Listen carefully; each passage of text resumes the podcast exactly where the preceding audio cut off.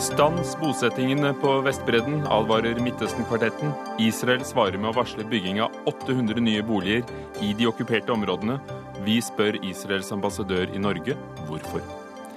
Pegida-talsmann Max Hermansen får over 1 million kroner av Oslo kommune for å slutte som lærer.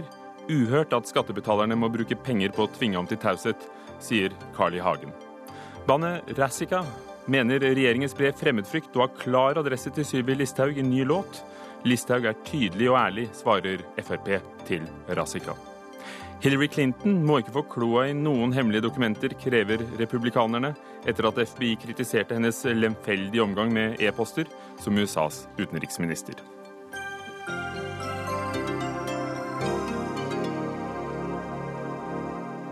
Velkommen til Dagsnytt 18 med Ugo Fermariello i studio.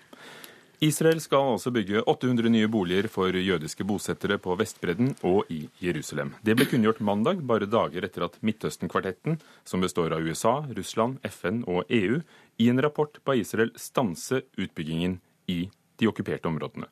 Det er bare en myte at bosettingene på Vestbredden forhindrer fred, sier Israels statsminister Benjamin Netanyahu. Israels ambassadør til Norge, Rafael Schutz, velkommen. Thank you. Bare dager etter at rapporten ba Israel altså stanse utbyggingen, kunngjorde dere 800 nye boliger. Og dere får 1 milliard dollar fra USA i året. Just days after the quartet asked you to stop the settlement expansions on the West Bank and in East Jerusalem, your government announced the building of 800 new homes. And Israel receives around a billion dollar each year from the states. Wouldn't it be smart to listen to them? We have um, our differences of opinion with the United States, among other players, uh, regarding the building, regarding the settlements.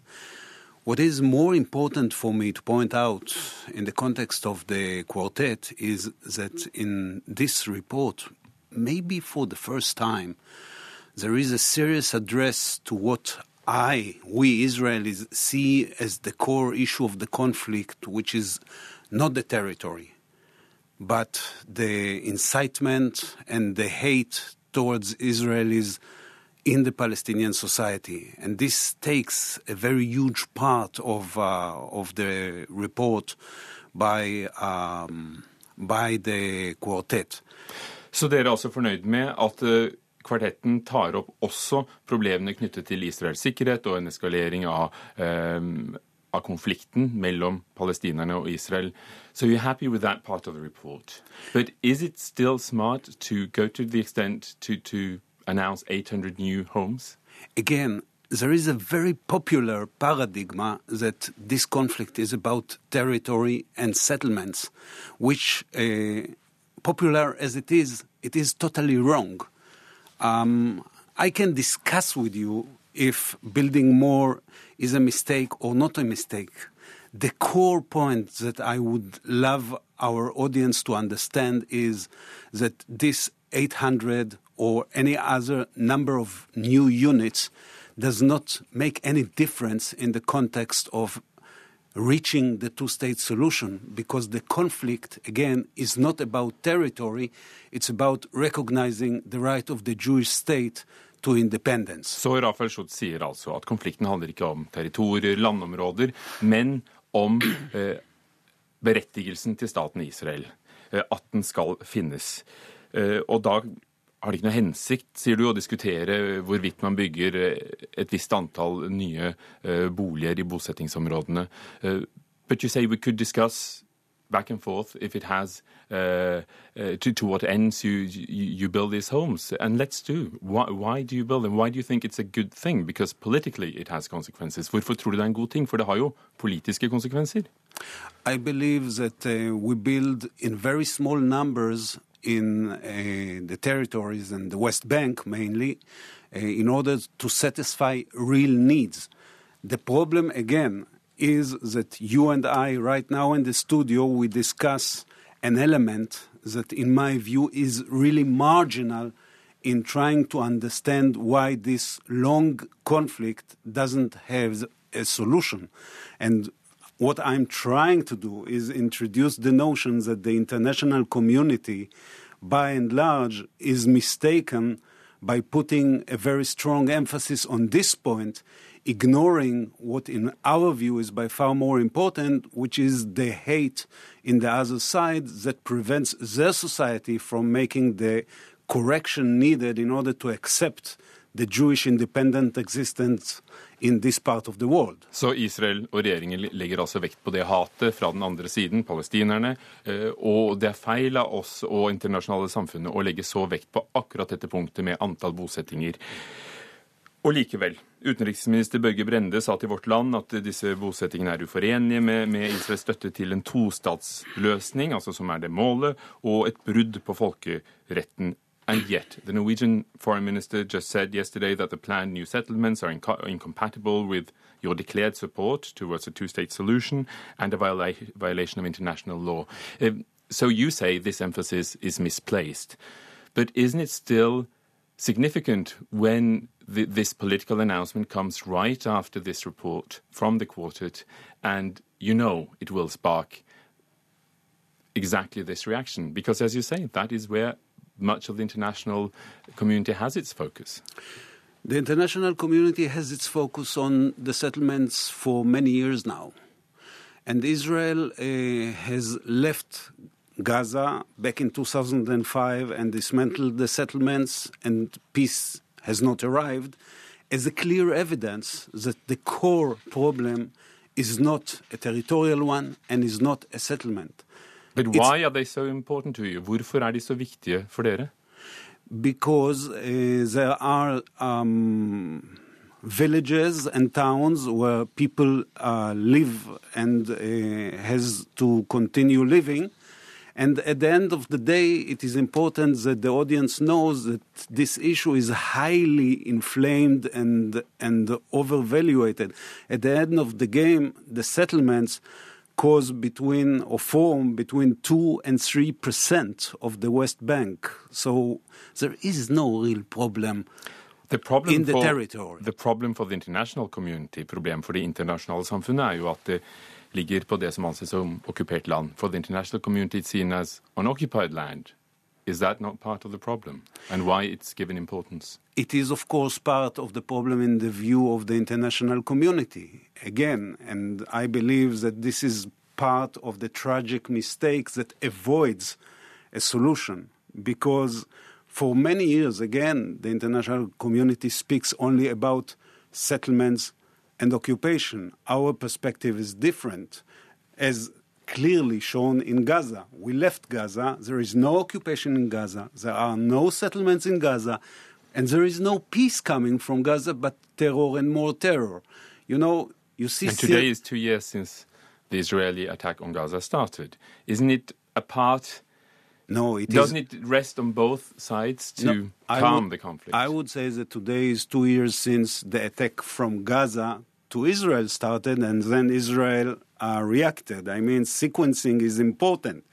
And Så i dag er det altså, som Rafael Schutz sier, ikke, som han ser det, to år siden Israels angrep på Gaza startet, men to år siden angrepene fra Gaza til Israel startet. Of course, Israel left Gaza back in 2005, and then Gazans could have built their own lives, but decided that attacking Israel is more important for them. But we are here, vi er her og det begynte med bosettingene, to talk about the settlements and the reactions from the international community and your reaction. Like the Norwegian foreign minister, many say it is an obstacle to a two-state solution, which is your declared goal, det offisielle målet om en tostatsløsning. Tror du på en tostatsløsning? Do you still and the Israeli government believe in a two-state solution? Absolutely. Both my government and uh, I can say that my belief personally is that there is no other viable solution. We are two people, we are Jews, should be independent in our state. There are Palestinians that are uh, equal to us. They should enjoy their independence in Palestine. We should live by peace. We should uh, accept each other as equals. This is the only viable solution that I know of. Det er den eneste mulige løsningen han og Israels regjering kjenner til. Vi er to folk som bør leve i hver våre land fredelig. Rafael Schutz, Israel's ambassador to Norway, thank you very much. My pleasure. Midtøsten-kvartettens rapport er altså noe de kom med i et nytt internasjonalt forsøk på å gjenopplive fredsprosessen som har ligget i brakk i over to år. Og denne rapporten den kritiserer både israelere, men også palestinere for å bidra til å trappe opp konflikten, og vi hørte jo fra én part her nå nettopp. Foruten israelernes bosettingsaktivitet på Vestbredden, så pekes det på økt voldsbruk, drap og terrorangrep den siste tiden. Hilde Henriksen Våge, professor i historie ved Universitetet i Oslo, Midtøsten-ekspert. Gir denne rapporten et riktig bilde av situasjonen som du leser den? Ja, den gir jo snarere en ganske moderat fremstilling av situasjonen. Den prøver å eh, sette, peke på det som er det den kaller hindringene for fred. Og hindringene for fred er, slik rapporten eh, skriver, det er alle disse aksjonene og terroraksjonene som har vært fra palestinsk side det siste året, særlig i Jerusalem, det er at Israel utvider sine bosettinger, og det er eh, den uløste situasjonen på Gazastripen. Vi hørte Israels ambassadør her si at han og Israel og Israels regjering mm. tror på en tostatsløsning. Det vil gå an å leve i fred, og begge har rett og krav på det. Når du hører eh, det og ser den politiske debatten i, i Israel, Stemmer det med det, som, det de jobber mot? Nei, dette stemmer jo ikke i det hele tatt. For her driver jo Israel, men også palestinerne, og også USA og EU og egentlig hele røkla sitt vanlige diplomatiske spill. For dette er jo bare et spill. For sånne som meg som er ekspert på fredsforhandlinger, så vet jeg jo at dette blir det jo ikke noe fred av. Men her sier Israel at de selvfølgelig er for fred. Det er de faktisk alle sammen, alle aktørene. Eh, og de er da eh, for en tostatsløsning. De gjør absolutt ingenting for å få til den tostatsløsningen. De bygger ut bosettinger, slik at det er jo ikke noe igjen av denne såkalte sammenhengende palestinske staten, som da skulle lages i henhold til Oslo-avtalen og veikartet og alle fredsplanene vi har. Det er ikke noe igjen eh, av land for å lage den staten. Men han sa jo nå nettopp at dette er jo bare 2-3 av eh, arealet. Og det er jo blitt rene drabantbyer, altså det er store drabantbyer. Og kan 800 leiligheter fra eller til virkelig være det, det, som spiller en politisk rolle? For det er allerede så stort. Eh, det er allerede ca. kanskje 600 000 eh, israelere som bor på den okkuperte Vestbredden og i Øst-Jerusalem. Men poenget her er jo at dette er de palestinske kjerneområdene som skal være denne framtidige staten Palestina, som aldri kommer til å bli noe av. Det er, så Sånn sett så kan man si at eh, 800 bosettinger eller boliger bare er en sånn liten dråpe i et stort hav.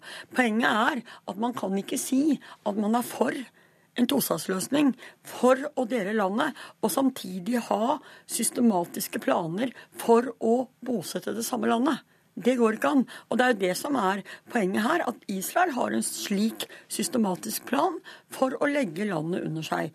Palestinerne innser ikke at de har tapt kampen om det samme landet. De har ingen til å hjelpe seg, ingen stormakter eller noen andre som kan støtte opp om deres krav. Og sånn Mener du at det internasjonale samfunnet nærmest har gitt opp? Og det mener jeg nok for lengst, ja. Eh, men jeg mener at de holder på med det samme spillet, de også. Fordi at eh, det er veldig vanskelig for det internasjonale samfunnet, for EU, for Norge f.eks., som giver, giverlands, leder giverlandsgruppen til palestinerne, å si at nei, men beklager med dette prosjektet, dette Oslo-avtaleprosjektet, det ble ikke noe av, og nå trekker vi oss ut. Hvem skal da betale bistand og hjelp til palestinerne? I en situasjon i Midtøsten som er veldig urolig, nabolandet Syria eh, er i oppløsning, ser du at Israel har behov for å befeste sin posisjon, for å, for å blant en mengde arabiske stater gjøre det klart at vi har rett til å være her? Ja, Det pleier eh, israelerne å bruke som et argument. Eh, men Israel er en av verdens sterkeste militærmakter. De har hatt som militær doktrine fra 1953 at de skal ha styrke og kapasitet nok til å knuse alle de andre arabiske landene til sammen. Slik sett så er det jo heller en Jeg skal ikke si at det er en fordel, men de arabiske landene er nå så svake. De har mer enn nok med å ordne opp hjemme i sine egne hus, noe de ikke klarer. Slik at Israel kan enklere befeste kontrollen over sitt område. Og de kan på en måte gjøre det i ly av alle de andre grusomhetene i Midtøsten. Vil ikke en nedtrapping av terrorangrep og, og vold også fra palestinsk side, som vi har sett i det siste har økt, gjøre at Israels politikk også vil falle til ro? Eh, nei, det vil det heller ikke. Det vil være å ønske at palestinerne, eh, som nå eh, stadig tyr til helt desperate metoder, at de stanset med disse angrepene, disse terrorangrepene på israelerne, særlig i Jerusalem. Jeg har bodd der i flere måneder, og det er bare helt fryktelig alt sammen. Men Israel har en langsiktig strategisk plan som de følger, og palestinerne de har tapt hele kampen om landet, dessverre. Så langt kom vi i dag. Takk. Hilde Henriksen Våge, professor i historie ved Universitetet i Oslo. Dagsnytt 18 alle hverdager klokka 18.00 på NRK P2 og NRK2.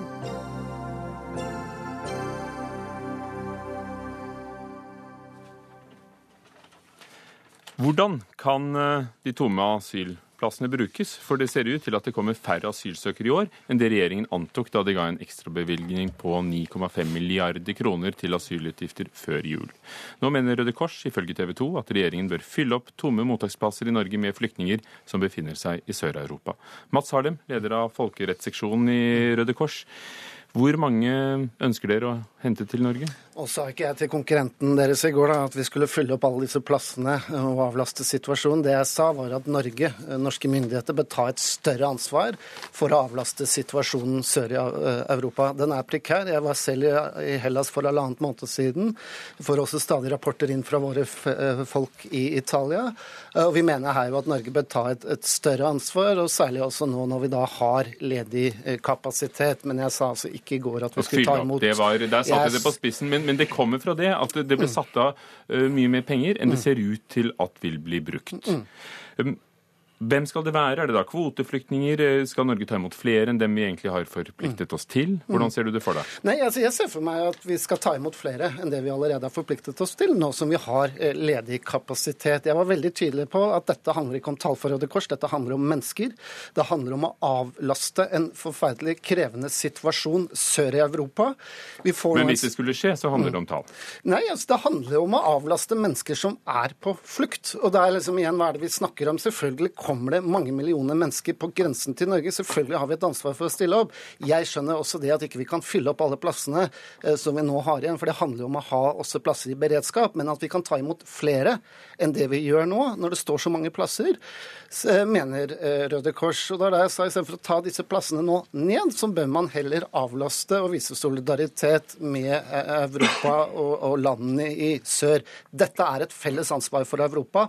Hellas, Italia kan ikke ta hele ansvar alene. Erlend Myborg, stortingsrepresentant fra Fremskrittspartiet, også første nestleder i arbeids- og sosialkomiteen. Et godt forslag? Nei, på ingen måte. Eh, dette er et usedvanlig eh, dårlig og eh, lite gjennomtenkt forslag. For vi må ta litt av historien. I fjor så, så vi en massiv tilstrømning til Norge. Over 30 000 mennesker kom. Situasjonen var kaotisk. Eh, og eh, nå ser vi heldigvis et resultat at vi har klart å begrense tilstrømningen til Norge. Bl.a. pga. flere grep som har blitt tatt nedover i Europa. Men ikke minst også fordi vi har en regjering som nå har gjennomført betydelige innstramninger i norsk eh, innvandringspolitikk. Men nå, disse pengene er jo allerede satt av, og vi trodde det kom flere. Da kunne jo det vært en anledning Nei, Vi må alltid ha noe beredskap, men målet må jo være å få redusert asyltilstrømningen. Men det jeg også er litt bekymret for her, er den signaleffekten Røde Kors her kommer med. På vårparten i fjor så kom Røde Kors og krevde 10 000 eh, ekstra flyktninger til Norge. Vi så effekten av det. Vi fikk en massiv tilstrømning på langt over 10 000 etter at Arbeiderpartiet hoppet på Røde Kors sitt forslag. Og bare helt avslutningsvis, med de kost, for det er ikke bare kostnadene til overnatting en dag vi snakker om her. Hvis vi nå skulle fylt opp disse 12 000 plassene i henhold til SSB og Finansavisen sine tall, ville dette vært en kostnad på 52 milliarder kroner for Norge. Og da lurer jeg litt på hvor er det Røde Kors Kors har tenkt å ta de pengene fra. Mads Harlem, for det handler jo ikke bare bare men- men om altså, sengeplassene det nå. Virkelighetsbeskrivelsen som Frp nå gjør, altså, den er på mange måter ikke rot i virkeligheten. Han viser bare på mange måter at han ikke forstår hva som skjer utenfor landets grenser. Jeg var altså i Hellas for halvannen måned siden. Det sitter 50 000 mennesker der under svært krevende forhold. Greske myndigheter gjør de kan for å avlaste den humanitære situasjonen. Og det vi har understreket her, er jo at dette er et felles ansvar for Europa. Da nytter det ikke at land nord i Europa bygger opp grensene, for da skyver vi problemet nedover. Jeg har ikke sagt at vi skal ta imot 12 000. Jeg har sagt at nå som det er ledig kapasitet, så bør vi kunne se på muligheten for å ta imot flere enn det vi har sagt. Så Men- jeg har lyst til å understreke at dette, dette er jo ikke noe nytt. for at den regjeringen som også Frp-representanten her representerer, har jo også sagt at vi skal ta imot. Jeg sitter her altså med et utkast eh, med en artikkel fra Aftenposten i april, hvor statssekretæren sier at vi skal ta imot 1500 personer fra Hellas. Sånn at dette er jo ikke noe nytt fra Røde Kors. Dette sier jo også den regjeringen. Ja, vi sier og det er da jeg bare sier jo at nå som situasjonen viser at det ikke kommer flere, så bør vi også ta et større ansvar enn Nei, det for vi har regjeringen gjort Hva sier dere egentlig. Av de vi allerede har sagt ja til å ta imot, det antallet man sier, sier vi at da kan vi godt av 1500 av de er da fra eh, Hellas. Men det som er det viktige her, er å huske at dette blir veldig sånn kortsiktig politikk fra Røde Kors. For hovedutfordringen er at vi har flere titalls millioner mennesker som prøver å komme inn til Europa, som setter seg i gjeld til menneskesmuglere. Det er viktig å få stoppet den strømmen. Og det jobber jo er- dere med. Jo, det gjør men vi, og det Mads er derfor regjeringen. du snakker om menneskene i utlandet, men dette handler, blir jo da mennesker som skal være i Norge. De, de, de skal integreres, få en bolig, eh, komme ut i arbeidslivet. Ser du, Tar du inn over deg det store arbeidet og også de utgiftene det vil være? Altså Selvfølgelig så gjør vi det. Og jeg sier også at det er fullt mulig å ta imot flere enn det vi gjør i dag. Så hører vi at regjeringen altså gikk ut i april på det tidspunktet sa de kunne ta imot 1500. Nå ser vi at det er ledig kapasitet i asylmottakene. Da spiller vi ut. Bør man ikke nå se om vi kan ta imot enda flere?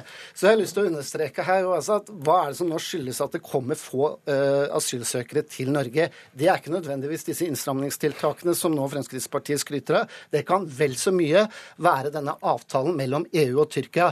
Det er mange svakheter med den, men det den avtalen i hvert fall gjør, var å prøve å få til en byrdefordeling i Europa. Det har ikke Europa greid å ta inn over seg. Det er det vi nå tar til orde for, at Norge bør ta Så det vi snakker om, er europeisk ansvar. solidaritet, fordi grensen til Europa, der er det med avtalen i Tyrkia litt mer under kontroll. Ja, men først bare rette opp, Det er jo helt feil det Røde Kors her sier, at ikke det har eh, betydning eh, hva vi gjør i Norge.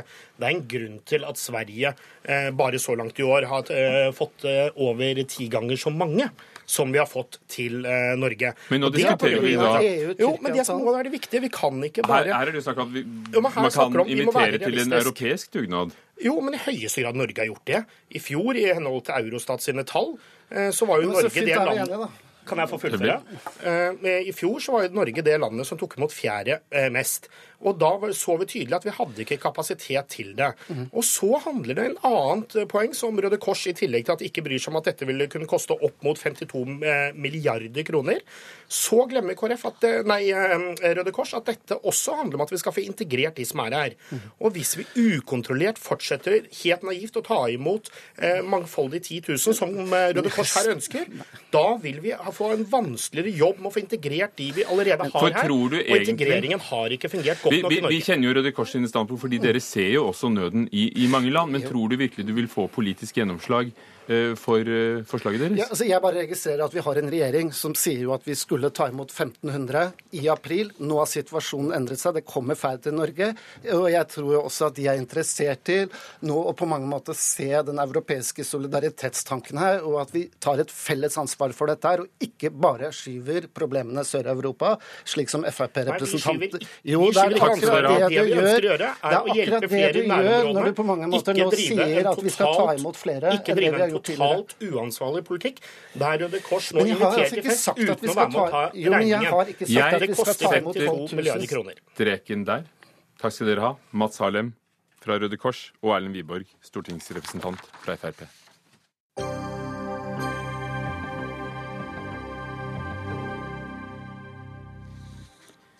Popbandet Razika anklager regjeringen for å spre fremmedfrykt i sin nyeste låt.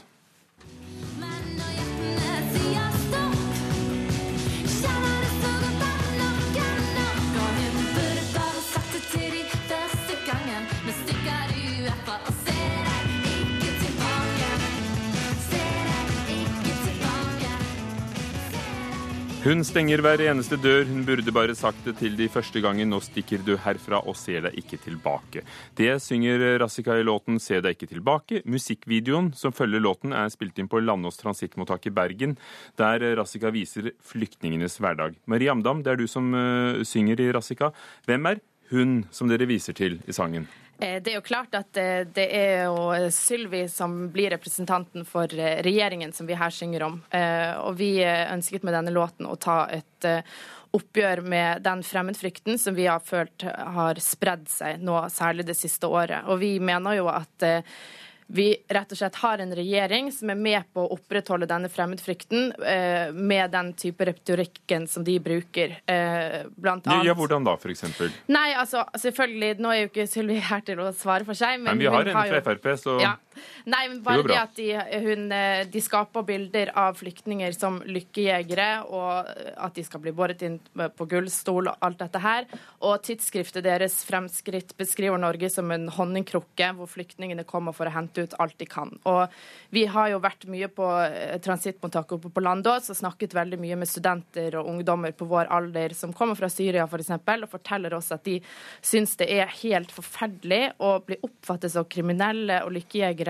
Og dette er kjempeproblematisk, og vi må møte dem med den respekten og forståelsen de trenger. Og dette bruker dere musikken deres til å ta til orde for. Erlend Wiborg, du sitter her fortsatt eh, og er fremdeles stortingsrepresentant for Frp. Med regjeringens retorikk, som kanskje handler om nettopp å, å, å si fra om at Norge er ikke det forjettede land, slik at eh, ikke alle vil helt i nord. Kan, dere være, kan det være at dere er med å spre fremmedfrykt? Nei. Jeg tror eh, tvert imot at det er viktig at vi faktisk har politikere som sier, eh, eller snakker rett fra levra, som sier ting de mener, og ikke pakker det inn i en eller annen politisk eh, korrekt retorikk. Så er det helt greit at eh, man kan være uenig i politikken, men da får man diskutere eh, sine politiske løsninger, i stedet for her et litt eh, Jeg oppfatter dette litt som et ønske om oppmerksomhet fra bandet Razika, i stedet for å kunne diskutere realiteten i saken. Et ønske om oppmerksomhet, eller et uttrykk for deres inderlige meninger, Marie Amdam? For oss så handler dette her kun om solidaritet og rettferdighet. Og vår, vi oppfordrer jo regjeringen til å føre en rausere politikk og, og få fortgang i sakene, slik at så mange som mulig av dem kan komme ut på arbeidsmarkedet. For det er jo det som vi har kjent på som den store frustrasjonen her, at vi møter veldig masse flotte ungdommer eh, som har lært seg norsk, snakker engelsk og er fullstendig klar til å gå ut i arbeidsmarkedet og har lyst til å bidra. Men, Eh, men er det no, Marie Amdam, er det noen som tviler på at, at dette er flotte mennesker? Dere som, eh, som popband og artister slipper jo å sette grenser, føre politikk eh, og, og, og ta konsekvensene, også økonomisk og samfunnsmessig.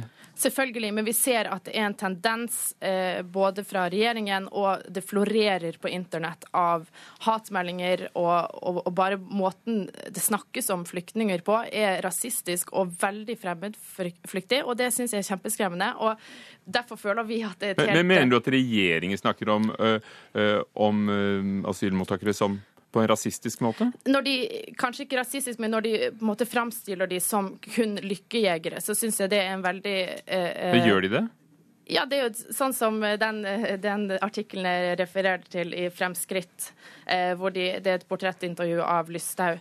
Så, eh, snakker- så skriver de jo om det som at de er lykkejegere som kommer til Norge for å sanke ut mest mulig av eh, Sereptas krukke. Og Ja. det syns jeg det er jo med på å skape et, eh, et, et skremmebilde av. Jeg mener at eh, det er relativt naivt å ikke tro at eh, av noen av de som kommer, faktisk ganske mange av de som kommer, at mange gjør det ikke nødvendigvis pga. at de er forfulgt, men også at mange kommer for å nyte godt av de velferdsgodene vi har i Norge. Det er en grunn til at når mange eh, innvandrere kommer til Europa, så stopper de ikke opp i trygge havner lenger sør i Europa. De velger da å fortsette ferden helt opp til Norge, og det vet vi også har en sammenheng med at vi har hatt altfor for eh, gode velferdsordninger for mange innvandrere. og Det er også grunnen til at regjeringen nå i forrige uke varslet, eh, sendte ut på høring at vi ønsker å fjerne eh, mange av særfordelene innvandrere har hatt. Da Men det satt jo Syl... Syl ja, ta den ene, ja, men en ting som jeg mener er, eh, som jeg er helt enig med Rassika på, og det er akkurat det regjeringen gjør, at det viktigste er å sørge for å få integrert de som allerede er her. Ja, det- sørge, ja. La meg fullføre nå. Sånn Ja at da. de da kan få lært seg eh, norsk på en god måte, lært seg norsk samfunn og kultur, sånn at eh, de også kan komme ut i arbeid. For da satt Men- jo Anniken Hauglie her og, og sa at denne reformen handlet om å få flere ut i arbeid fort. Og, og, Høyeste grad. og noe av Rassikas kritikk går jo nettopp på uh, at, at folk blir sittende og sittende et sted og, og, og vente. Bare, bare hør til. Hvordan er det i teksten, eh, Mariam Dam? Nei, altså dette handler om at eh, de vet jo ikke hva de, de Mange av de vi kjenner, har jo vært der i åtte-ni måneder nå og fremdeles ikke fått saken sin behandlet. Og disse er jo klare til å bidra, og, og god integrering handler jo nettopp om å få ut, folk ut i arbeid. Og der tror jeg vi er helt enige. Og den delen av Eh, det- kritikken, Ja, eh, nei, jeg er helt enig. Vi og Fremskrittspartiet og regjeringen er også klare på at det er viktig å få behandlet asylsøknadene raskest mulig, sånn at de som da får avslag, kan forlate landet raskest mulig, og de som skal få bli i landet, at de raskest mulig kan komme i gang med integreringen og bli en del av det norske samfunnet. Ja, men, da men da må man for at det går litt Unnskyld, la meg bare fullføre, den ikke avbryte hele tiden. Men det som da også er utrolig viktig, det er at vi kan ikke da ha en ukontrollert innvandring til Norge og tro at vi da skal ha kapasitet til å behandle alle søknadene like raskt. Vi så noe av utfordringen. I fjor hadde vi en eh, helt uholdbar eh, asyltilstrømning til Norge. Eh, Og da tar det selvfølgelig lengre tid å få behandlet søknadene når det kommer så mange mennesker på kort tid. Og Det er noe av grunnen til at regjeringen har strammet inn innvandringspolitikken i Norge, sånn at vi kan få raskere behandlet søknaden til de som allerede er her i dag, og på en bedre måte få integrert de som eh, skal være i Norge, og samtidig få uttransportert de som ikke har gyldig grunn til å være i Norge. Marie Dam, eh, dere etterlyser en rausere flyktningpolitikk. Men hva mener dere at regjeringen bør gjøre annerledes? For dere følger jo inn i en, en tradisjon av eh, politiske eh, motiverte artister. Men som vi hører Ja. Nei, akkurat nå så er det jo, eh, handler det jo faktisk aller mest om at eh, siden det kommer så få inn til Norge pga. flyktningavtalen mellom EU og Tyrkia, så mener vi selvfølgelig at det bør legges eh, internasjonalt press på eh, resten av europeiske landene. For nå hører vi om tyrkiske grensevakter som skyter på flyktninger på grensen. Mange av de bor nå i leirer som har helt umenneskelige forhold uten fasiliteter. og vi men jeg er jo helt enig med Røde Kors om at Norge bør ta et større ansvar der. Vi har masse plasser, vi har ressurser. På Landås, som jeg snakket om i sted, så er det 600 sengeplasser. så er Kun din, 200 er det i er din anbefaling. Takk skal dere ha. Men forskjellen på Rassika og Fremskrittspartiet er at vi må faktisk, hvis vi skulle gjort som Rassika ønsker, tatt imot de 12 000, ville det påført norske skattebetalere 52 Det sa milliarder du i kroner. sted. Takk, Erlend Wiborg. Takk, gjerne Erlend Wiborg fra Frp. Takk, Marie Amdam, vokalist i Rassika. I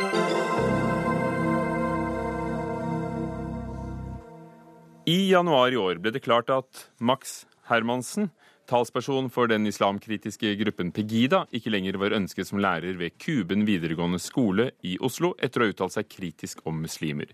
Denne uken ble sluttavtalen mellom Hermansen og Oslo kommune offentliggjort av Nettavisen. Avtalen gir Hermansen rundt 1,2 millioner kroner og forbud mot å søke på andre stillinger i kommunen de neste fem årene. I tillegg er Hermansen pålagt å ikke kommentere avtalen som følge av taushetsplikten.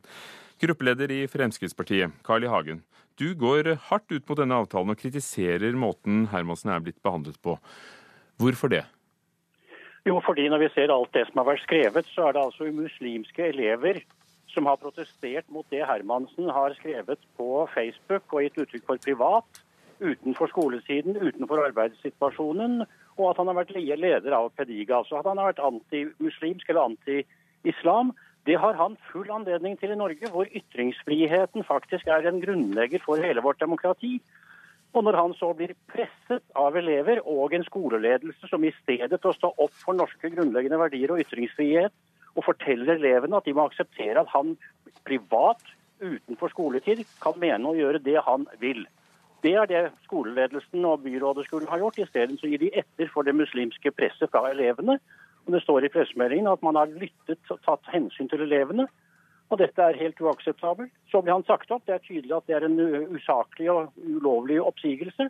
De Men mener du kommunen har kjø- kjøpt- Mener du kommunen har kjøpt tausheten hans? De har jo helt åpenbart, fordi det var jo slik at han hadde en oppsigelse. Den trakk kommunen tilbake under forutsetning av at Max Hermansen selv sa opp sin stilling.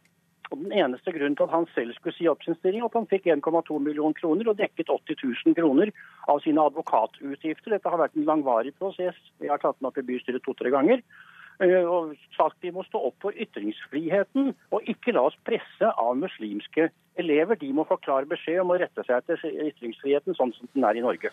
La meg bare skynde meg å si at Oslo kommune ved Utdanningsetaten hadde verken mulighet eller lyst til å stille i eh, Dagsnytt 18 i dag. I en kommentar til NRK skriver de derimot at de ikke diskuterer personalsaker i media, men at de er tilfreds med å være blitt enige med Hermansen. De sier også at alt har foregått i tråd med kommunens reglement og med bistand av kommuneadvokaten. Og, og Carl I. Hagen, det er ganske vanlig også i næringslivet at, eh, at hvis saker blir ubehagelige, så betaler man litt, og så er, er problemet løst.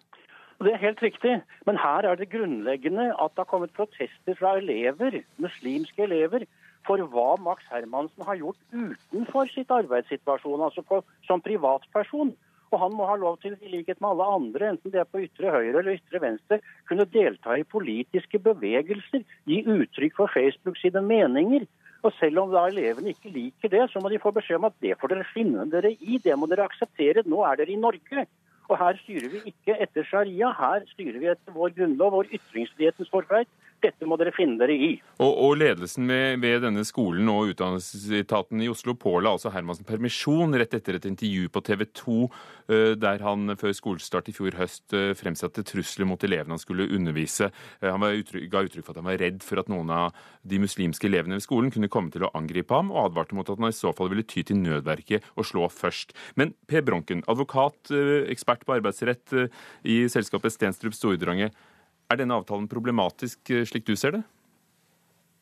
Nei, som utgangspunkt ikke. Dette er en en ganske ordinær uh, sluttavtale. Uh, og som du selv var inne på, så, så er det jo mer vanlig enn det motsatte at slike tvister avsluttes med, med sluttavtale.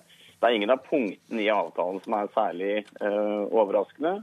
Vederlaget er riktignok i, eh, i øvre eh, sjikt, kan man vel med trygghet eh, si. Men utover det så, så, så er den ordinær. Men som, som Hagen er, er, korrekt er inne på, her bruker man jo da, i motsetning til eh, private bedrifter, så bruker man eh, skattebetalernes penger for å betale for denne avtalen. Og, og, Hadde de trengt det, tror du? Burde saken være blitt prøvd for, for, for retten? I stedet, Ja, altså gitt en oppsigelse, og så fikk vi se hvordan det gikk? Ja, jeg syns jo eh, som utgangspunkt eh, det. Eh, Oslo kommune gikk jo til oppsigelse, og vi må jo tro at de gjorde det etter en grundig saksbehandling og av prinsipielle årsaker. Og Slik sett så er det spesielt at man nå da velger å, å, å inngå et, et forlik. Det hadde vært interessant rettslig sett om saken hadde kommet for retten. Og eh, kommunen burde nok også kanskje ha stått for den beslutningen eh, dersom den var eh, da kommet på plass etter en grundig saksbehandling og av en prinsipiell overbevisning hos kommunen. Men Carl I. Hagen, du hadde vel håpet da at Hermansen hadde vunnet en eventuell sak? Jeg er enig i at det burde vært en sak for domstolene. For hvis det skal være adgang til å si opp folk på hva de har av private meninger på sin fritid, så har vi beveget oss ganske langt bort fra Grunnlovens prinsipper. Jeg har snakket med kommuneadvokaten i dag, og hun kan selvsagt ikke gi noen nærmere opplysninger. Eh, Men jeg skulle svært gjerne ha sett den korrespondansen og hva kommuneadvokaten sier. Og det prinsipielle her er jo skal en lærer, en ansatt i Oslo kommune, ha adgang til å delta i politiske bevegelser, politiske rørelser og, gi uttrykk for sine du- meninger privat. Det skal selvsagt han ha lov. Jeg har fått nok av rapporter fra, fra skole og fra lærere som faktisk sier at de får beskjed om å å, å, å, snu det andre kinnet til når enkelte muslimske elever oppfører seg slik som ikke er vanlig og ikke er akseptert i norsk kultur. Men når det gjelder denne avtalen, Carl I. Hagen, så ble han jo ikke tvunget til å signere. Er det ikke ryddig nok? Han har jo selv valgt det. Ja, han har selv valgt det. Men det er klart, når han, når han vet alt det enorme presset, oppsigelse, rettssak og alt mulig rart, og får to års lønn for å holde kjeft og godta en avtale, da er det fristende å gjøre. Det er slik at dette er det øvre del, som eh, advokaten sa. Altså, Man kjøper seg fri fordi han har et enormt press og orker ikke å stå imot, og har sannsynligvis gitt, etter. Jeg syns dette er helt uakseptabelt. Karl Jagen, jeg jeg stopper deg litt, for vi skal snart høre med Max Hermansen selv. Men siste spørsmål til deg, Per Bronken. eh, Som ekspert eh, på arbeidsrett, hvor går grensen, vil du si, for hva en lærer kan si som privatperson? Altså, generelt grunnlag så er det, jo, er det jo på en måte vanskelig å trekke den uh, linjen. Men som Hagen er inne på, altså det som sies eh, privat, og de aktiviteter og de meninger man nær sagt har da utenfor arbeidsplassen, altså utenfor, uh, utenfor skolen i, i, dette tilfellet, ja, det skal arbeidsgiver som utgangspunkt eh, holde seg unna. Og skal det trekkes inn i en oppsigelsesvurdering, så er det jo ikke noe tvil om at terskelen er uh, svært høy. Det stiller seg annerledes når man tar med seg problematiske og eventuelt ulovlige meninger inn i, eh, i klasserommet, i dette tilfellet i arbeidsplassen da generelt. Takk skal du ha, Per Bronken. Max Hermansen, tidligere lærer i Oslo. Du mislikte i utgangspunktet at avtalen skulle være hemmelig, og etter at Nettavisen har publisert den, så er den jo heller ikke det. Men hvorfor signerte du denne avtalen når du visste hva betingelsene var? Jeg eh, så for meg at eh, jeg hadde fått en oppsigelse, og at hvis jeg skulle stevnet Oslo kommune ved Utdanningsetaten for denne oppsigelsen, altså som en usaklig oppsigelse, så ville det kunne kanskje gå tre-fire år med dette i, eh, i rettssystemet. Det ville være meget krevende. Det ville være også usikkert om jeg ville vinne frem eh, ordentlig. Så eh, jeg valgte en utvei som eh, gjorde at eh, jeg kunne komme videre på en måte.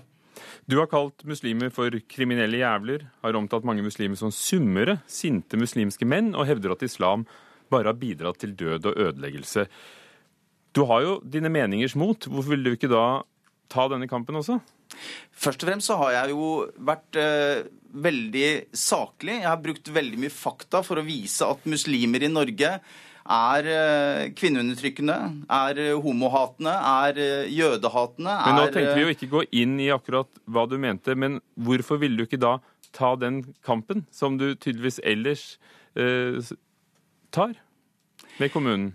Det er ikke lett når eh, en arbeidsgiver så tydelig gir eh, beskjed om at eh, jeg ikke er ønsket. De har jo brukt dette med at jeg sa i fjor høst at jeg var redd for at jeg skulle kunne komme til å måtte bruke nødverge hvis jeg ble angrepet. Eh, De brukte altså det veldig Det er jo det som er eh, det lille halmstrået de har brukt i selve oppsigelsen. Eh, Det er ikke svært morsomt å få en arbeidsgiver som så eh, tydelig sier dette, og når de også da har med en fra, representant fra kommuneadvokaten og bruker nestkommanderende i, hos uh, Utdanningsetaten i Ja, møter og, da skrev du under. Ja. ja, jeg følte at presset ble veldig stort. Og så ble jeg også satt til å gjøre eh, også to ganger i en måned hvor jeg, eh, Du- hvor jeg hadde jobber som var bare helt meningsløse. og undertegnet. Men la oss høre med Shoaib Sultan, rådgiver i Antirasistisk Senter, og, og sitter også i Oslo bystyre for Miljøpartiet De Grønne. Hva syns du om at eh, kommunen har brukt eh, innbyggernes penger på sluttpakke til Hermansen? La meg begynne med å si det som jeg kanskje er enig med alle de tre foregående i, og det er at uh, jeg er enig i at uh, dette burde vært rettslig prøvd. Uh, vi skulle gjerne hatt offentlighetens lys på, på innholdet i hva som ble sagt i klasserommet, hva læreren har sagt, og, og, og, og, hva som har skjedd der. Vi har jo ikke mye rettspraksis på dette, men vi har en sak fra 1975 eh, med en eh, lærer, Olav Hoås, som, eh, som uttrykte eh, antisemittiske eh, holdninger og, og sto for eh, holocaustbenektelse. Den saken gikk helt til Høyesterett, og han tapte. Hva mener du man kan si som lærer? Jeg mener at man skal kunne Eller som privatperson Ja. som jobber som lærer? Der vil, jeg, der vil jeg stille litt spørsmål ved fremstillingen her. Jeg har snakket med en del av elevene dette gjelder. Og det de forteller om, er, ikke en, eh, et problem med hva som var sagt på Facebook eller i offentligheten andre steder, men hva som ble sagt i klasserommet. Og når du har eh, en lærer som behandler lærer, eh, elevene ulikt, når du har problemer med standpunktkarakterer, når du har massive klager fra mange elever, ikke én eller to, men mange elever, på forskjellige skoler hvor han har undervist, så er det helt tydelig at her er det helt andre problemer. Max Hermansen, kan det være at du da ikke skilte ditt private engasjement fra jobben? Den voldelige episoden jeg hadde på, eh, på Etterstad videregående skole den 13. oktober eh, 2014, det var jo eh, fordi elever hadde vært inne og sett på min Facebook-side. Det var da de gikk amok. De aksepterte ikke at jeg hadde en, en, eh, et bilde liggende ute på Facebook hvor jeg skrev at uh, islam er et dødelig virus, og at politisk korrekthet er det som gjør at vi ikke finner en vaksine. Uh, jeg kan forstå at de reagerer på det, men, men, Men vil de det si at burde jo ikke være nok dine til at jeg skal bli sparket som lærer. Er uttalelsene dine altså, synes du, forenlig med å være lærer på en skole der i tillegg mange av elevene er muslimer? Jeg mener at islam er et Ja, kjempeproblem du i Norge. mener, men du mener at de er forenlig å komme med de uttalelsene når de jobber på en skole, og, og attpåtil er det en skole hvor mange elever er muslimer. Jeg kommer ikke med de på skolen. Eh, Prøver du å si at jeg kommer med de på skolen? Nei, jeg vet ikke. Nei, altså jeg, jeg, jeg er en profesjonell lærer. Jeg, jeg er jo ikke så dum at jeg prøver også prøve å si noe så, Så du mener at du, du har skilt mellom ditt private engasjement og, og, og arbeidet. Og Shoaib Sultan, hvor langt strekker ytringsfriheten seg da, for en som arbeider i offentlig sektor? Ytringsfriheten skal strekke seg langt. Og jeg mener at skal, listen skal ligge veldig høyt for hva man kan si, og før det får følger for arbeidet, også for en lærer. Men det er noe med at når du uttrykker veldig tydelig at du føler forakt for mange av dine elever Én ting er hva han synes om islam, men hva han sier om sine unge muslimske elever eh, ute i offentligheten, så syns jeg det er eh, kritikkverdig. Carl. Forakt for mine elever, hallo. Altså, hvor har du det fra, Sultan? Dette er jo helt håpløst at du sitter i et norsk studio og sier det. Kort replikk til Sultan. Uh, Dette er uttalelser som Hermansen selv har kommet med i ulike aviser. Der blir vi nok ikke enige, men Carl I. Hagen til slutt. Er det akseptable ytringer, dem vi har hørt referert her? Og ikke bare referert, men, men fra Max Hermansen, i forhold til å jobbe som lærer? Jeg er absolutt når det gjelder ytringsfrihet. Det som sies ikke i arbeidssituasjonen, der er vi alle enige om. Arbeidssituasjonen det er en spesiell, det er der det er forholdet arbeidsgiver og arbeidstaker. Men privat og på Facebook skal man kunne si hva som helst som ikke rammes av straffeloven. Der er det straffeloven som reagerer, som, som i tilfelle er der. Og her er det altså generelle politiske, veldig, veldig sterke meninger om, om, eh, om islam, om, eh, eh, om muslimsk kultur. Og det må vi akseptere og finne oss i. Det kristne har vært igjennom dette gjennom de siste 100 år. Dere rammes av gongongen. Carl I. Hagen, du rammes ikke av ytringsfriheten, men av gongongen nå også her i Dagsnytt 18. Takk skal dere ha. Carl I. Hagen, gruppeleder i Oslo Fremskrittsparti. Max Hermansen, talsperson for Pegida og tidligere lærer. Og Shoaib Sultan, rådgiver i Antirasistisk Senter. Hør Dagsnytt 18 når du vil. Radio NRK NO.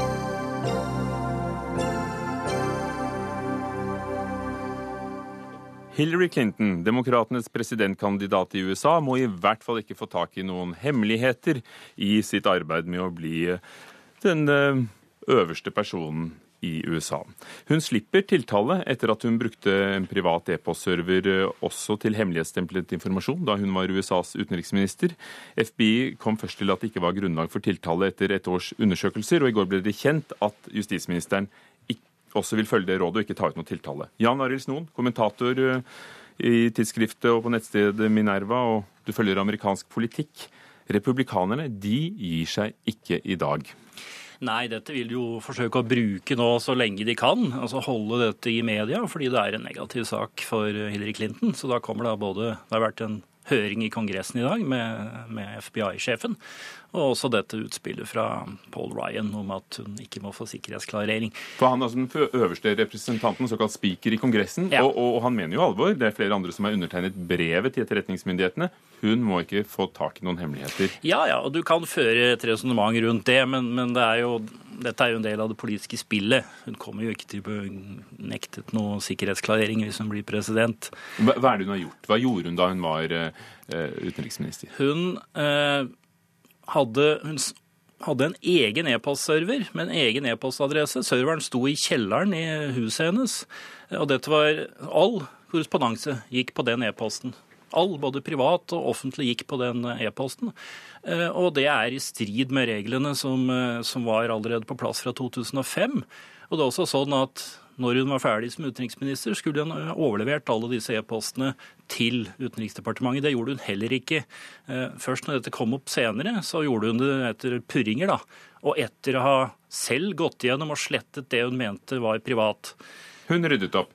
Og, og, og i de e-postene FBI har undersøkt, er det 110 som var hemmelige. Og 2 til, 3, 2 til eh, 2000 av de totalt 30 000 e-postene ble senere oppgradert til hemmelige. Hvordan kunne hun? Ja, Hun mente vel, hun har jo sagt da at hun ikke visste at dette var hemmelig, og så har hun også sagt at det ikke var merket hemmelig. og Det er riktig i de aller fleste tilfellene. De har funnet noen få som var merket hemmelig. Men hun burde ha visst hva som er sensitiv informasjon. Noen har vel fortalt det til henne? Ja, og det er også Hun burde ha visst, og visste antageligvis, det er jo spekulasjon hva hun egentlig visste, men hun burde i hvert fall ha visst. For dette er jo det er to problemer med dette. Det ene er dette sikkerhetsaspektet, at noen kan komme inn og, og hacke seg inn. Det er ikke noe bevis for at det har skjedd. FBI har ikke funnet bevis for det, men det er en mulighet. Og det andre er mer prinsipielle, at dette skal være tilgjengelig eh, i ettertid for, for allmennheten, for innsyn. Og det er vel det siste som er Jeg kan ikke se noen annen logisk grunn til at Hillary Clinton har gjort dette, enn for å hindre innsyn. Så hva sier hun? Hvorfor gjorde hun det? Ja, Hun har sagt mye etter hvert som eh, FBI ikke tror på. eh, Selv om de ikke vil si direkte at hun eh, ljuger, men hun sier at nei, dette var praktiske årsaker. Hun sier også at det var upraktisk å ha to, to konti, en privat og en offentlig, for da måtte hun ha flere greier å håndtere. Men det viser seg at det har hun jo hatt. Hun har brukt flere ulike mobiltelefoner og, og, og anretninger for å komme på mail. Så hun har rett og slett ikke fortalt sannheten i etterkant heller. Og vil det påvirke valgkampen? Trump-Clinton-duellen? Ja, i, i den forstand at eh, både Trump og Clinton er eh, det har aldri vært kandidater i USA i moderne tid som har vært så mislikt. Og det har heller aldri vært kandidater som folk tror så lite på. Men det som er oppsiktsvekkende her, at når det måler dette, det har vært mange målinger, så viser det seg at det er litt flere som mener at Donald Trump er eh, ærlig og troverdig enn Hillary Clinton. Og dette er en mann som, som ljuger i omtrent annenhver setning. Men likevel så er da eh, Clinton klart å komme på defensiven i dette spørsmålet. Takk skal du ha. Jan Arild Snoen, kommentator i Minerva.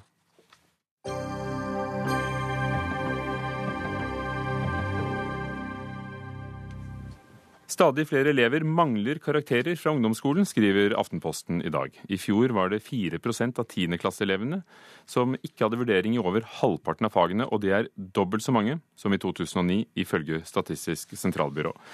Kent Gudmundsen, stortingsrepresentant fra Høyre. Hvert år går 60 000 elever ut av tiende. I fjor fikk 2600 av disse ikke karakterer. Hvorfor? Det er fordi at vi i norsk skole har i altfor lang tid prøvd å reparere istedenfor å forebygge. Vi så Ny GIV-satsinga til de rød-grønne. Man starta tiendeklassen for å prøve å få flere til å fullføre videregående. Man eh, prøvde å sette inn flere lærere i ungdomsskolen. Det er klart det er for seint. Vi er nødt til å ha en skole som sikrer mestringsfølelse og læringsglede i barnetrinnet, eh, og sikrer grunnleggende ferdigheter sånn at man kan bygge videre. Og det har vi ikke i dag, i god nok grad. Marianne Aasen, stortingsrepresentant fra Arbeiderpartiet. Altså 2600 hvert år som ikke har karakter i halvparten av fagene. Du sier det er regjeringen som har tatt skolen i feil retning. Nei, altså Dette er jo et tegn på at det er noe som ikke er bra nok i skolen i dag. Og Tidlig innsats har vi hatt eh, storting, Første stortingsmelding om det var vel på 2007, altså snart ti år siden. Fortsatt sliter vi med det, med å få gjennomført det på hver eneste skole, hvert eneste klasserom. Så Derfor har Arbeiderpartiet klart eh, vi har vårt klart mål at vi vil ha en lese-, skrive- og regnegaranti. De to første årene så skal alle lese, skrive og regne. og Hvis ikke så skal det settes inn tiltak på akkurat det, og ikke bare utredning på spesialundervisning, som vi ser fortsatt altfor mye av i Norge i dag. Hvem er disse Gudmundsen, som, som ikke får karakter i halvparten av fagene? Nei, det, det er klart, eh, Disse tallene eh, må vi jo se nærmere på for å få mer kunnskap. Og Kunnskapsløftet innførte jo egentlig en ny æra i norsk skole der vi eh, har fått økt kunnskap om hvordan tilstanden er. Og Det gjør jo at vi kan målrette innsatsen bedre. Så hva vet du? Hvem er det, hvorfor skjer det? Nei, men eh, akkurat disse tallene her har vi ikke god eh, innsikt i, så det må vi jobbe litt mer med. Men jo, man trenger jo ikke å, ha veldig dyp forståelse for at man vet dette er barn som ikke har sikra seg grunnleggende ferdigheter innenfor lesing, skriving og regning, og som dermed gjør at man faller ganske fra i alle andre fag også. For kunnskap bygger jo på annen kunnskap, og eh, dette er et bevis på at man har svikta på tidlig innsats. Marianne Aasen, nå er det ikke nettopp da et kunnskapsløft som, som kan sikre at eh, det avdekker de manglene som er? Altså, nå sitter vi i Stortinget og behandler en, eh, en stortingsmelding som eh, er en fornyelse av Kunnskapsløftet. Der Kunnskapsløftet antageligvis har feila. Mye tyder på at den var altfor detaljert. Det var bra at den løfta målet om lese-, skrive- og regneferdigheter, men den er altfor detaljert på veldig mange områder. Sånn at det nærmest er en umulig oppgave for veldig mange lærere å gå gjennom det. Og da har jeg lyst til å ta et eksempel fra hva man skal kunne etter å gå etter tredje trinn, syvende trinn, mener jeg. Så skal man plassere tidlige elvekulturer på kart i tidslinja presentere sentrale, sentrale trekk i denne tidsepoken. Eh, Det er sånne eh, oppgaver som finnes, eller mål da, som skal være på hvert eneste trinn i alle fag, og som er veldig detaljrike. Denne stortingsmeldingen som vi nå skal behandle, har jeg store forventninger til. For det peker på nemlig at vi må ha mye mer dybdekunnskap. Elevene kan ikke vi kan ikke pålegge lærerne å lære bort elevene i detalj på alle mulige fagområder på den måten vi gjør i dag. Det gjør at veldig mange ikke klarer, eh, klarer det. Det blir tapsopplevelser, og det blir ikke mestring. Og den økninga vi ser nå på disse tallene, tror jeg har veldig mye med dette å gjøre. For det er folk som da ikke har vært eh, nok til stede til å få karakteren. Det er ikke det at de har gjort det dårlig, men de, de har simpelthen ramlet av lasset. Ja, og det er et annet opplegg som liksom... Jo, men, men la, la oss høre med Gudmundsen først. Er det kanskje en helt ny, ny retning? At, at det er blitt for konkret, det er demotiverende? Eller er det elevene som faktisk må ta seg sammen? Nei, men altså, jeg er enig. Det er veldig bra at Marianne Aasen er enig med kunnskapsministeren, eh, som har lagt fram denne stortingsmeldinga der man nå skal fornye Kunnskapsløftet og legge til rette for mer dybdelæring, istedenfor å springe gjennom veldig mange læreplanmål. Eh, Men det som er viktig å se på her, er jo alle tiltakene samla. Vi har sammen med de andre borgerlige partiene fått på plass eh, 1000 flere lærere nå fra første til fjerde trinn. Det skal følges opp med følgeforskning. Det gjør at vi får mer fokus på tidlig innsats. Vi har en stor videreutdanningspakke som nå gjør at eh, de 38 000 lærerne som mangler fordypning i fagene de underviser får det. Eh, Og nå eh, får vi en fornyelse av læreplanverket som gjør at vi får til dybdelæring. Og I sum gjør dette at vi kommer tidligere i gang, og det tror jeg er helt avgjørende skal vi lykkes med å skape en skole der ungene våre har mestringsfølelse og dermed får læringsglede. Og ville det vært flere elever som fikk vurdering hvis dere satt i regjering? Jeg tror ikke jeg skal skryte på meg det, for det blir altfor enkelt å si at det ene partiet klarer å levere bedre på den så kompliserte ting som skole er. Men det som, eh, det som Gudmundsen skryter av, er jo delvis pålagt av Stortinget. Da. Det er ikke Høyre som foreslo flere lærere. De la, har lagt alle eggene i en kurv, og den kurven er eh, flere lærere på etter- og videreutdanningskurs, eh, hovedsakelig matematikk. Det er vel og bra, men det er ikke det vi nå ser, er ikke at det er for mange dårlige lærere. Det er veldig mange dyktige lærere i norsk skole, men de klager konsekvent på at de har for mye å gjøre, de får ikke noe kontakt med elevene, det er for mange det er for få lærere på for mange elever. Det er for store utfordringer knytta til psykisk helse, bl.a. Som også er noe som vi er nødt til å gjøre mye, mye mer på. Eh, Og alt dette her henger i hop. Og det er komplisert skole, og det er ikke enkelt å løse. Det finnes ikke ett grep. Store kritikken min til Høyre er at hovedgrepet de har gjort, er å bruke alle penga på etter- og videreutdanning av lærere. Det er mer som skal til, så nå forventer jeg at de med engasjement eh, følger opp den stortingsmeldingen som kommer nå. La ham få svare hvis vi har tid til det. Så mye ut av. Ja, jeg kan eh, love Marianne Aasen om at det er stort engasjement fra Høyre i skolepolitikken. Og det er jo helt feil at vi bare har satsa på videreutdanning. Det viser jo denne stortingsmeldinga. Det viser også innsatsen vår eh, i forhold til barnehager. Det viser også alle de andre tiltakene som er med på å bidra til at vi får eh, mer mestringsfølelse inn i skolen. Og det, som jeg sier, er helt avgjørende skal unge mennesker skal få læringsglede være- og bygge videre i, i skoletida. Kunne det være at dere politikere skulle ligge, tatt et steg tilbake og latt eh, skolen selv få utviklet seg? Ja, men Det er jo delvis litt det vi gjør gjennom denne her eh, fornyelsen av Kunnskapsløftet. Ved å redusere antall eh, mål i læreplan, så gir man altså rom for mer dybdelæring, altså mer rom til læreren å sikre oppfølging mot elever. Og dermed ble det ikke mer rom til deg, Likevel, takk skal du ha, Marianne Aasen fra Arbeiderpartiet. Takk til Ked Gudmundsen fra Høyre. Dagsnytt 18 er over. Her er rulleteksten. Ida Tune Øresland, produsent. Teknisk ansvarlig Erik Sandbråten. Ugo Fermarello, programleder.